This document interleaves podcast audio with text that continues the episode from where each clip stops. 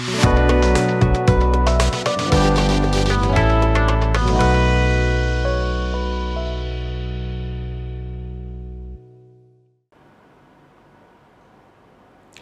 ္ဂလာပါရှင်မမပြည်သူပြည်သားအပေါင်းစိတ်ရချမ်းသာခြင်းကိုယ်ရည်ချမ်းသာခြင်းနဲ့ပြည့်စုံကြပါစေလို့ PPTV အဖွဲ့သားတွေကဆုတောင်းမေတ္တာပို့တာပါတယ်ခုတစ်ပတ်တွင်ဖြစ်ပေါ်ခဲ့တဲ့သတင်းတွေနဲ့ပတ်သက်ပြီးသတင်းချင်းချုပ်ကိုကျမစင်စင်ကတင်ဆက်ပေးသွားမှာပါ ပထမဆုံးသတင်းတစ်ပုဒ်အနေနဲ့ကတော့မြို့သားညီညွတ်ရေးအစိုးရကမေလအတွင်းလူသားချင်းစာနာထောက်ထားရေးအကူအညီအဖြစ်ငွေကျပ်တန်း200ကျော်ထောက်ပံ့ပေးခဲ့တဲ့သတင်းပဲဖြစ်ပါတယ်ရှင်။မြို့သားညီညွတ်ရေးအစိုးရလူသားချင်းစာနာထောက်ထားရေးနဲ့ဘေးအန္တရာယ်ဆိုင်ရာစီမံခန့်ခွဲရေးဝန်ကြီးဌာနကမေလအတွင်းလူသားချင်းစာနာထောက်ထားရေးအကူအညီအဖြစ်နဲ့ငွေကျပ်208.84တန်းထောက်ပံ့ပေးနိုင်ခဲ့တယ်လို့ဇွန်လ18ရက်တာထုတ်ပြန်ခဲ့ပါတယ်။ ကျန်းပတ်စစ်တပ်ရဲ့ထိုးစစ်ဆင်တိုက်ခိုက်မှုတွေကြောင့်ထွက်ပြေးနေရတဲ့ပြည်သူတွေတော်လှန်ရေးမှာပါဝင်ရင်ထိခိုက်ဒဏ်ရာရသူတွေနဲ့အသက်ဆုံးရှုံးရသူတွေရဲ့မိသားစုဝင်တွေကုညီလိုအပ်တဲ့မတန်ဆွမ်းတွေအပါအဝင် ထိခိုက်လွယ်အုပ်စုတွေအကြောင်းကိစ္စအမျိုးမျိုးကြောင့်လူသားချင်းစာနာမှုအကူအညီလိုအပ်သူတွေကိုလူသားချင်းစာနာထောက်ထားရေးနဲ့ဘေးအန္တရာယ်ဆိုင်ရာစီမံခန့်ခွဲရေးဝန်ကြီးဌာနကမိဖက်အသီးသီးနဲ့လက်တွဲချိတ်ဆက်ပြီးအတက်နိုင်ဆုံးမြေပြင်အထိရောက်အောင်စ조사ပံ့ပိုးကူညီနေတယ်လို့ဖော်ပြထားပါတယ်။ ထောက်ပံ့မှုတွေကိုအကြမ်းဖက်စစ်တပ်ရဲ့အတားအဆီးမျိုးမျိုးကြားမှာဘေးဒုက္ခခံစားနေကြရတဲ့ပြည်သူတွေလက်ဝယ်အရောက်စီစဉ်ဆောင်ရွက်ပေးကြတဲ့ဒေသခံမိဖက်အဖွဲ့တွေကိုယ်စားလှယ်တွေစေတနာဝန်ထမ်းပြည်သူတွေနဲ့ရမုံငွေအတွက်လှူဒန်းပေးလျက်ရှိတဲ့ပြည်သူတွေကိုအထူးကျေးဇူးတင်ရှိရလို့လည်းဖော်ပြထားပါတယ်။ဆက်လက်တင်ဆက်ပေးမယ့်သတင်းကတော့ပြည်သူတွေကိုတပ်ဖြတ်ပြီးဂုံယူစရာအဖြစ်ခန်းစားပြောဆိုနေတာကပြည်သူလူထုအတွက်အန္တရာယ်တရက်ဖြစ်တယ်လို့လူခွင့်ရေးဝန်ကြီးဦးအောင်မျိုးမင်းကပြောကြားလိုက်တဲ့သတင်းပဲဖြစ်ပါတယ်။ ကျန်းဖတ်စစ်ကောင်စီတပ်သားတွေကပြည်သူတွေကိုတပ်ဖြတ်ပြီးဂုံယူစရာအဖြစ်ခန်းစားပြောဆိုနေတာကပြည်သူတွေအတွက်ကြီးမားတဲ့အန္တရာယ်တရက်ဖြစ်နေတယ်လို့မြို့သားညီညွတ်ရေးအစိုးရလူ့အခွင့်အရေးဝန်ကြီးဌာနပြည်အောင်စုဝန်ကြီးဦးအောင်မျိုးမင်းကဇွန်18ရက်ကပြောကြားလိုက်ပါတယ်။ဇွန်လ18ရက်နေ့က RFA သတင်းဌာနကထုတ်လွှင့်ခဲ့တဲ့သခိုင်းတိုင်းအတွင်းမှာပြည်သူတွေကိုတပ်ဖြတ်တာကိုပျော်ရွှင်စရာပြောဆိုနေတဲ့အကြမ်းဖက်စစ်ကောင်စီတပ်သားတွေရဲ့ဗီဒီယိုဖိုင်အပေါ်မှာခုလိုမျိုးမှတ်ချက်ပြုပြောကြားလိုက်တာပါ။ လူတွေကိုတတ်တယ်လူတွေကိုနှိပ်စက်တယ်ဆိုတာဘလို့မှဂုံရင်ဝမ်းမြောက်စရာကောင်းတဲ့အပြုမှုမဟုတ်ပါဘူး။ဒါကြောင့်မို့အခုလိုမျိုးလက်နက်ကင်ပြီးတော့ပြည်သူတွေကိုကာကွယ်ပေးဖို့တာဝန်ရှိတဲ့သူတွေစိတ်ထဲမှာလူတွေကိုတပ်ဖြတ်မှုကိုဂုံယူစရာအဖြစ်ခံစားနေတယ်။ဂုံယူနေတဲ့ဟာကတကယ့်ကိုကြီးမားတဲ့ပြည်သူလူထုအတွက်အန္တရာယ်တည်းဖြစ်ပါတယ်။တကယ်ကိုဆိုးရွားလာတဲ့အခြေအနေတည်းဖြစ်ပါတယ်လို့ပြည်အောင်စုဝန်ကြီးဦးအောင်မျိုးမင်းကပြောကြားလိုက်တာပါ။ RFA သတင်းဌာနကဖော်ပြချက်မှာတော့ ဓာတ်ပုံပေါင်း144ပုံအထိရှိပြီးတော့ပုံတွေထဲမှာအရက်သား30လောက်ကိုလက်ပြန်ကြိုးတုပ်ထားပြီးဖုံးရင်ချောင်းအောက်မှာစုထိုင်ခိုင်းတာမျက်လုံးတွေကိုပစိုးစားနဲ့စီလက်ပြန်ကြိုးတုပ်ပြီးနောက်စိတ်ကနေပြတ်သက်ခံထားရကသွေးဟိုင်နဲ့လဲနေတဲ့အပေါ်အကြမ်းဖက်စစ်သားနှစ်ယောက်ကရက်ကြည့်နေရလူငယ်တယောက်ကိုရင်ပတ်ဓာတ်နဲ့စိုက်ထားပြီးနှိပ်စက်နေတဲ့ပုံတွေကိုဖော်ပြခဲ့တာလည်းဖြစ်ပါတယ်ဆက်လက်တင်ဆက်ပေးမယ့်သတင်းကတော့အကြမ်းဖက်စစ်ကောင်စီရဲ့ ဗန္နာရေးရန်ရအောက်ကလုံးဝကင်းလွတ်တဲ့ငွေကြီးအဖြစ် NUG ပေးကိုမြို့သားညီညွတ်ရေးအစိုးရကစတင်မိတ်ဆက်လိုက်တဲ့သတင်းပဲဖြစ်ပါတယ်ရှင်။အကြမ်းဖက်စစ်ကောင်စီရဲ့ဗန္နာရေးရန်ရအောက်ကလုံးဝကင်းလွတ်တဲ့ NUG ပေးအဖြစ် Digital မြန်မာကျပ် DMMK ကိုမြို့သားညီညွတ်ရေးအစိုးရစီမံကိန်းဗန္နာရေးနဲ့ယင်းနှိမ့်မှုနယ်မှုဝန်ကြီးဌာနကဇွန်လ20ရက်မှာစတင်မိတ်ဆက်ခဲ့ပါတယ်။ NUG ပေးဟာခိုင်မာတဲ့ငွေကြေးတစ်ခုနဲ့ကြောထောက်နောက်ခံပြုထားပြီး DMMK ရဲ့ unit ကကျက်ဖြစ်ပြီး DMMK တစ်ချက်ဟာမြန်မာငွေတစ်ချက်နဲ့တန်မိုးတူညီမှာဖြစ်ပြီးတော့ DMMK ငွေကြေးကဈေးကွက်ထဲမှာရှိတဲ့ cryptocurrency တွေလိုဈေးနှုန်းအတွက်အကျ volunteer ဖြစ်မှာမဟုတ်ဘူးလို့ထုတ်ပြန်ထားပါတယ်။ Digital မြန်မာကျပ် DMMK ကိုပြည်ရင်းနဲ့ပြည်ပနိုင်ငံတွေမှာပါအသုံးပြုနိုင်မှာဖြစ်ပြီးနိုင်ငံခြားငွေလက်လက်နှုန်း exchange rate ကို NUG ပေးကထုတ်ပြန်သွားမှာဖြစ်ပြီးအကြမ်းဖက်စစ်ကောင်စီရဲ့ဗန်နာရေးရန်ရအောက်ကလုံးဝကင်းလွတ်တဲ့ငွေကြေးတစ်ခုဖြစ်တယ်လို့လည်း NUG ပေးကထုတ်ပြန်ထားပါတယ်။ ဆက်လက်တင်ဆက်ပေးမှာကတော့အကြမ်းဖက်စစ်ကောင်စီကိုလက်နက်ရောင်းချနေတဲ့ကုမ္ပဏီတွေကိုပိတ်ဆို့အရေးယူဖို့ဗီတန်ရဲ့ဆုံးဖြတ်ချက်ကိုကြိုးဆိုရဲလို့ NUG ကထုတ်ပြန်လိုက်တဲ့သတင်းပဲဖြစ်ပါတယ်ရှင်။ကျန်းဖက်စစ်ကောင်စီကိုလက်နက်ဖြန့်ဖြူးရောင်းချနေတဲ့ကုမ္ပဏီတွေကိုပိတ်ဆို့အရေးယူဖို့ဗီတိန်နိုင်ငံရဲ့ဇွန်လ16ရက်နေ့ဆုံးဖြတ်ချက်ကိုကြိုဆိုတယ်လို့အမျိုးသားညီညွတ်ရေးအစိုးရကဇွန်လ21ရက်မှာကြေညာချက်ထုတ်ပြန်လိုက်တာပါ။ အချမ်းဖတ်စစ်အုပ်စုကိုရာဇဝတ်မှုတွေကျူးလွန်ခွင့်ရအောင်လက်နက်တွေဖြန့်ပြူးရောင်းချပေးနေတဲ့ကုမ္ပဏီတွေကိုပိတ်ဆို့အရေးယူဖို့ဗီတိန်နိုင်ငံရဲ့ဇွန်လ16ရက်ဆုံးဖြတ်ချက်ကိုအမျိုးသားညီညွတ်ရေးအစိုးရကကြိုးဆိုပြီးအဲ့ဒီပိတ်ဆို့အရေးယူမှုတွေကအချမ်းဖတ်စစ်အုပ်စုစီကို drone တွေနဲ့ရဟတ်ယာဉ်အစိပ်အပိုင်းတွေရောင်းချနေတဲ့ရုရှားလက်နက်ရောင်းဝယ်သူအများပြားနဲ့ရုရှားလက်နက်တင်သွင်းသူတွေအအကြမ်းဖက်စစ်အုပ်စုအကြားဂျားခံတွေအဖြစ်ဆောင်ရွက်တဲ့မြန်မာကုမ္ပဏီအမည်တွေကိုလည်းဖော်ထုတ်ထားတယ်လို့ဆိုပါတယ်။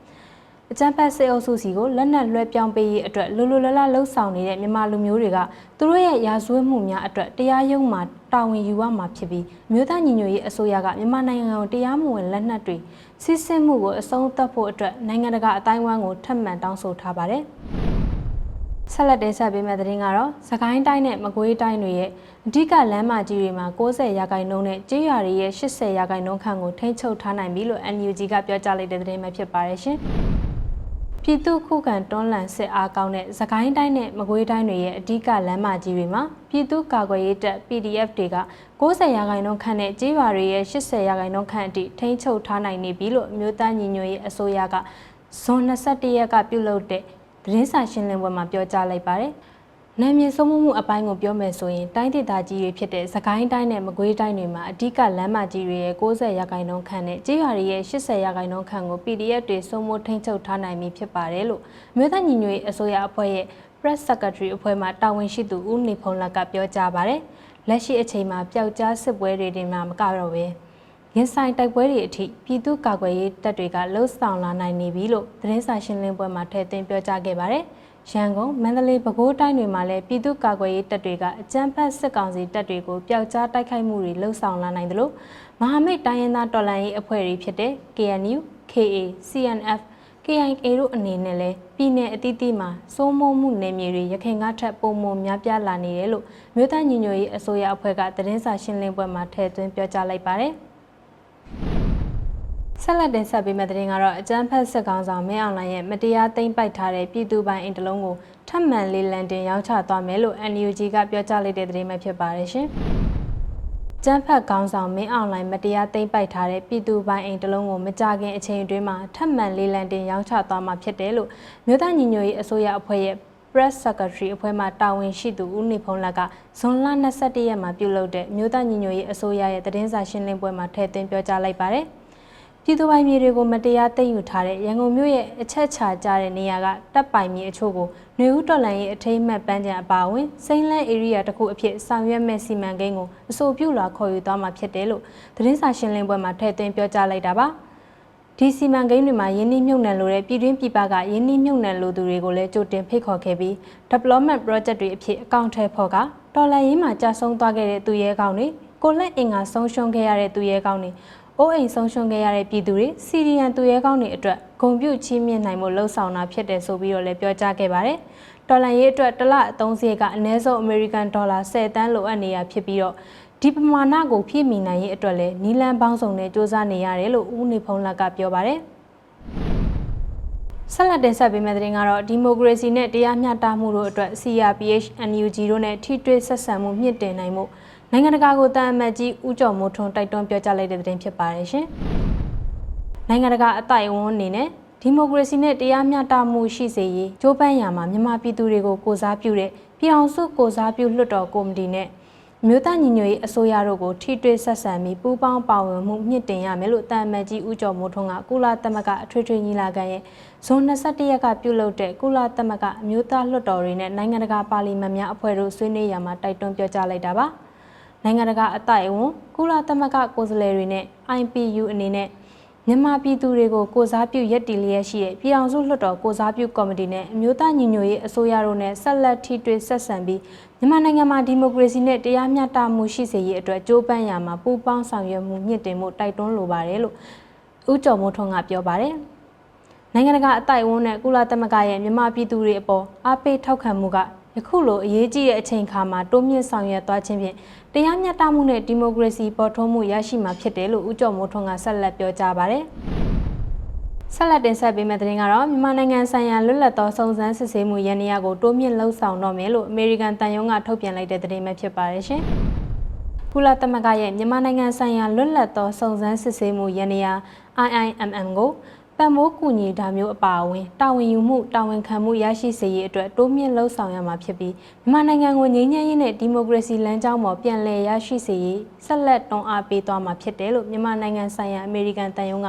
ဇွန်22ရက်ကသတင်းထုတ်ပြန်လိုက်တာပါ။ဒါအပြင်အကြမ်းဖက်စစ်အာဏာရှင်အဖွဲ့အစည်းက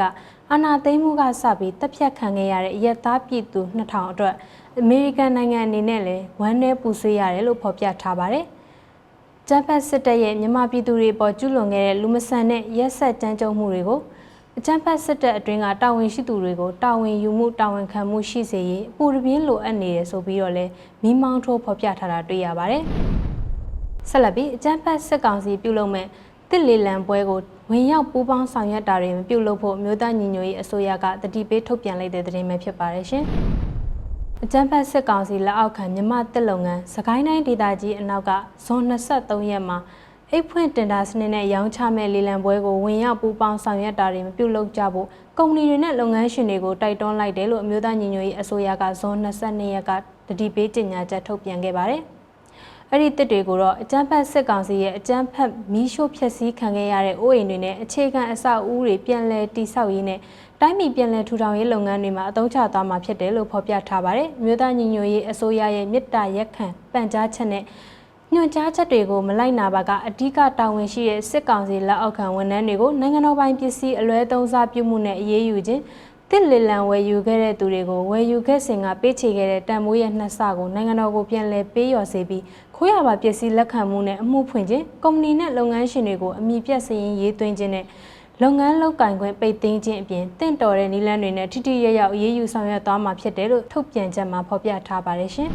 ။ခုနောက်ဆုံးတင်ဆက်ပေးမယ့်သတင်းကတော့အမေစုဝစ်ဆောင်အင်ဂျင်နဲ့ရိုးရလုံးကြီးအတွက်မဲလက်မှတ်တွေစတင်ရောင်းချနေပြီဆိုတဲ့သတင်းပဲဖြစ်ပါတယ်ရှင်